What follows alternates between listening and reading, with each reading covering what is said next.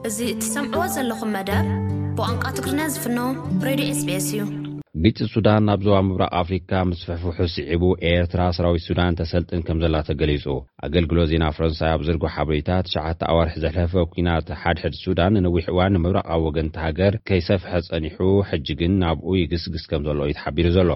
እቲ ዛጊድ እቲ ቀንዲ ዕንወትን ቅትለትን ኣብ ከባቢ ዳርፉር ዝጸንሐ ኲናት ዘስካሕክሕ ምዃኑ ዝግለጸሉ ኮይኑ፣ ጸብጻብ ሕቡራት ሃገራት ካብ ሓደ ከተማ ምዕራብ ዳርፉር ጥራሕ ካብ ዓሰርተ ክሳብ ዓሰርተ ሓሙሽተ ሽሕ ዝበጽሑ ዜጋታት ከም ዝተቐትሉ እዩ ዘመልክት። ዝበዝሑ ውሽጣውያን ተመዛበልቲ ምዃኖም ዝንገረሎም ዛጊድ ሸውዓተ ነጥቢ ሽዱሽተ ሚልዮን ሱዳናውያን ብሰንኪ እዚ ግጭት ካብ መንበሪኦም ተፈናቒሎም ምህላዎም እውን እቲ ጸብጻብ ኣመልኪቱ'ሎ። ብሕቡራት ዓረብ ኤምሬትስ ከም ዝድገፉ ዝግለጸሎም ሰራዊት ህጹጽ ወሃቢ ደገፍ ናይ ጀነራል መሓመድ ሓምዳን ዳገሎ ሕመቲ መጥቃዕቶም የሕይሎም ናብ ግዝኣት ኣልጀዚራ ድሕሪ ምድፍኦም ናብ ደባት ኢትዮጵያን ኤርትራን ክጽግዑ ምጅማሮም ዝተገልጸ ኮይኑ ግደ ኤርትራ ኣብዚ ጉዳይ ይዓዝዝ ከም ዘሎ እውን ተሰሚዑ ኣሎ። መንነቶም ክዕቀበሎም ዝሓተቱ መሰኻኽር ንኣገልግሎት ዜና ፈረንሳይ ከም ዝገለጽዎ መንግስቲ ሱዳን ብዘቕረቦ ጻውዒት ዝተኣኻኸቡ መንእሰያት ሱዳን ኣብ ሓሙሽተ ቦታታት ኤርትራ ወተሃደራዊ ታዕሊም ይወስዱ ከም ዘለዉ ተገሊጹ ኣሎ። ሰለስተ ካብ መዓስከራት ኣብ ዞባ ጋሽ ባርካ ምዃኖም እውን ተመልኪቱ ኣሎ። ኤርትራ ጉዳይ ሱዳን ብሰላማዊ መገዲ ዘተን ክፍታሕ ቃል ክትህብ ምጽንሓ ዝፍለጥ ኮይኑ፣ እንተኾነ ምክትል ኣዛዚ ማልኪን ኣጋር ኣብ ወርሒ ጥሪ ኣስመራ ድሕሪ ምብጽሑ ምስ ፕረዚደንት ኢሳያስ ኣፈወርቂ ድሕሪ ምርኻቡ ንጸጥታን ምርግጋእን ምብራቓዊ ክፍለ ሃገር ሱዳን ኣመልኪቶም ምዝታዮም'ውን ኣብ ገጻት ማሕበራዊ መራኸብታት ኣስፊሩ ነይሩ'ዩ። መሰኻኽር ንኣገልግሎት ዜና ፈረንሳይ ከም ዝሓበርዎ ግን ካብ መንጎ'ቶም ኣብ ኤርትራ ዝርከቡ መዓስከራት ታዕሊም ሱዳን ብሱዳናዊ ኢንራሂም ዶኒዝያ ዝእዘዙ ኮይኖም ኢብራሂም ዶንያ ድማ ኣብ ወርሒ ጥሪ መንእሰያት ንሰራዊት ናጽነት ምብራቓዊ ሱዳን ክጽንበሩ ብማሕበራዊ ገጻት ኤክስ ኣቢሉ ዝጸውዐ'ዩ። እቲ ጉጅለ ጸኒሑ መንእሰያት ንታዕሊም እናቐረቡ ኣብ ማሕበራዊ ገጻት ኣካፊሉ ነይሩ። እቶም ተዓላሞ ብኣብ ኤርትራን ሱዳንን ዝዝረብ ቋንቋ ትግረ ክዘራረቡ እውን ኣብቲ ሓበሬታ ተመልኪቱ ኣሎ። ካብቶም ኣብ ኤርትራ ከም ዝርከቡ ዝተገልጹ መዓስከራት ታዕሊም እቶም ክልተ እውን ብዓሊ ሱካር ዝተባህለ ሱዳናዊ ኣዛዚ ከም ዝእዘዙ ኣገልግሎት ዜና ፈረንሳይ ኣመልኪቱ እዩ። ዓሊ ሱከር ኣብ እዋን መሪሕነት ሓሰን ዑመር ኣልበሽር ኣባል ጸጥታ ዝነበረ ኮይኑ ኣብታ ናብ ኤርትራ እተዳውብ ዓጊግ ዝተባህለት ከተማኡ ኮይኑ ከም ዝከታተል እዩ ተጠቒሱ ዘሎ።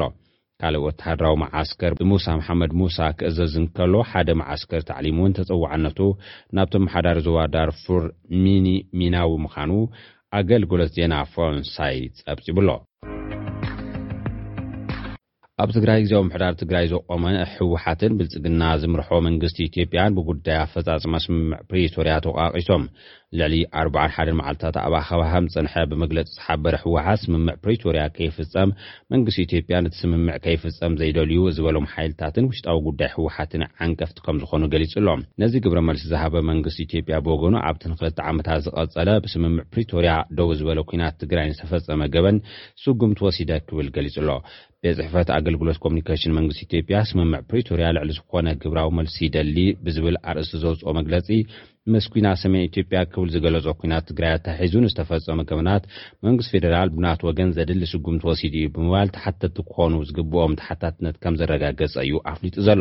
ጉዳይ ተሓታትነት ሓደ ካብ ኣዕኑድ ስምምዕ ፕሪቶርያ ሓደ ኮይኑ ነዚ ጉዳይ ከጻሪ ዝቖመ ፍሉይ ኮሚሽን ሰብኣዊ መሰላት ውድብ ሕቡራት ሃገራት ዕድመ ስልጣኑ ከይተናውሐ ይትረፍ እምበር ብተደጋጋሚ ኣብ ዘውጽኦ ወግዓዊ ጸብጻባቱ ብሰንኪ እቲ ንክልተ ዓመታት ዝተኻየደ ደማዊ ኲናት ትግራይ፣ ኣብቶም ኲናት ዝተኻየደሎም ክልላት ትግራይን ዓፋርን ኣምሓራን ብኹሎም ተሳተፍቲ ኣካላት ከበድቲ ገበናት ግህሰት ሰብኣዊ መሰላትን ኣህጉራዊ ገበናትን ከም ዝተፈጸሙ እዩ ገሊጹ። ኣብ ፈለማ ሓዳር ክልተ ሽሕ ዕስራን ኣብ ትግራይ ተባሪዑ ናብ ጎረባብቲ ክልላት ልሒሙ ንክልተ ዓመታት ኣብ ዝቐጸለ ኲናት ዝተፈጸመ ግህሰታትን ካልኦት ገበናትን ዝምልከት መንግስቲ ኢትዮጵያ ነቲ ጉዳይ ብመሰጋገሪ ፍትሒ ክሕዞ ከም ዝደሊ ክገልጽ ዝጸንሐ ኮይኑ፣ ሕዚ ግን ነቲ መሰጋገሪ ፍትሒ ከይተጠቐመ እዩ ተሓታትነት ኣራጋጊጸ ዝብል ዘሎ። እንተኾነ እቲ ብመንግስቲ ኢትዮጵያ ዝምራሕ መሰጋገሪ ፍትሒ ብኹሎም ወገናት ተሓተትቲ ንምግባር ዘኽእል ቁመናኡ፣ ሓቀኝነቱ፣ ተኣማንነቱን ግልጹነቱን ኣብ ዝምልከት ቀንደ ሰከፍቲ ነጥብታት ከም ዘለዎ ብዝተፈላለዩ ወገናት ክግለጽ ጸኒሑ እዩ። ኣብዚ ጉዳይ መንግስቲ ትግራይ እውን ሕቶ ከልዕል ከም ዝጸንሐ ዝፍለጥ እዩ። በዚ ከኣ ዓለምለኻዊ ደረጃታት ብዝሓለወ መልክዑ ነጻን ዛይሸራውን ፍትሒ ብመገዲ እቲ ስርሑ ዘኽተመ ፍሉይ ኮሚሽን ክኢላታት ውድብ ሕቡራት ሃገራት ክትግበር መንግስቱ ትግራይ ሓዊሱ ብዙሓት ሓለቕቲ ሰብኣዊ መሰላት ከይተረፈ ክሓቱ ፀኒሖም እዮም። እዚ እናኾነ ግን መንግስቲ ኢትዮጵያ ንእዋናዊ መግለፂ ህወሓት ምርኩስ ብምግባር ኣብ ዝሓበቦ ሓዱሽ መግለፂ ብወገኑ ክሕተቱ ዝግብኦም ገበነኛታት ሓቲተ ክብል እዩ ገሊፁ ዘሎ።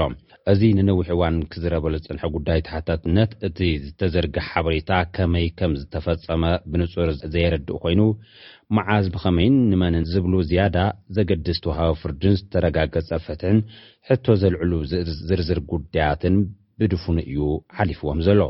እቲ ንዝሓለፉ ኣዋርሕ ኣብ ዕጹው ኣኸባ ዝወርሐ ውድብ ህወሓት ኣብ መወዳእታ ኣብ ዘውጽኦ መግለጺ ጉዳይ ተሓታትነት ዝምልከት ኣገዳሲ ዓንቀጽ ናይ ስምምዕ ፕሪቶርያ ንጎድኒ እናተደፍኣ ከምዝመጸ ብምሕባር ኣብ ርእሲኡ ንትግባረ እቲ ውዕል ዝደፍእ ፖለቲካዊ ልዝባት ምልሕልሑ እውን ከም ሓደ ጠንቂ ምስንኻል ናይ ስምምዕ ምዃኑ እዩ ኣመልኪቱ ዘሎ።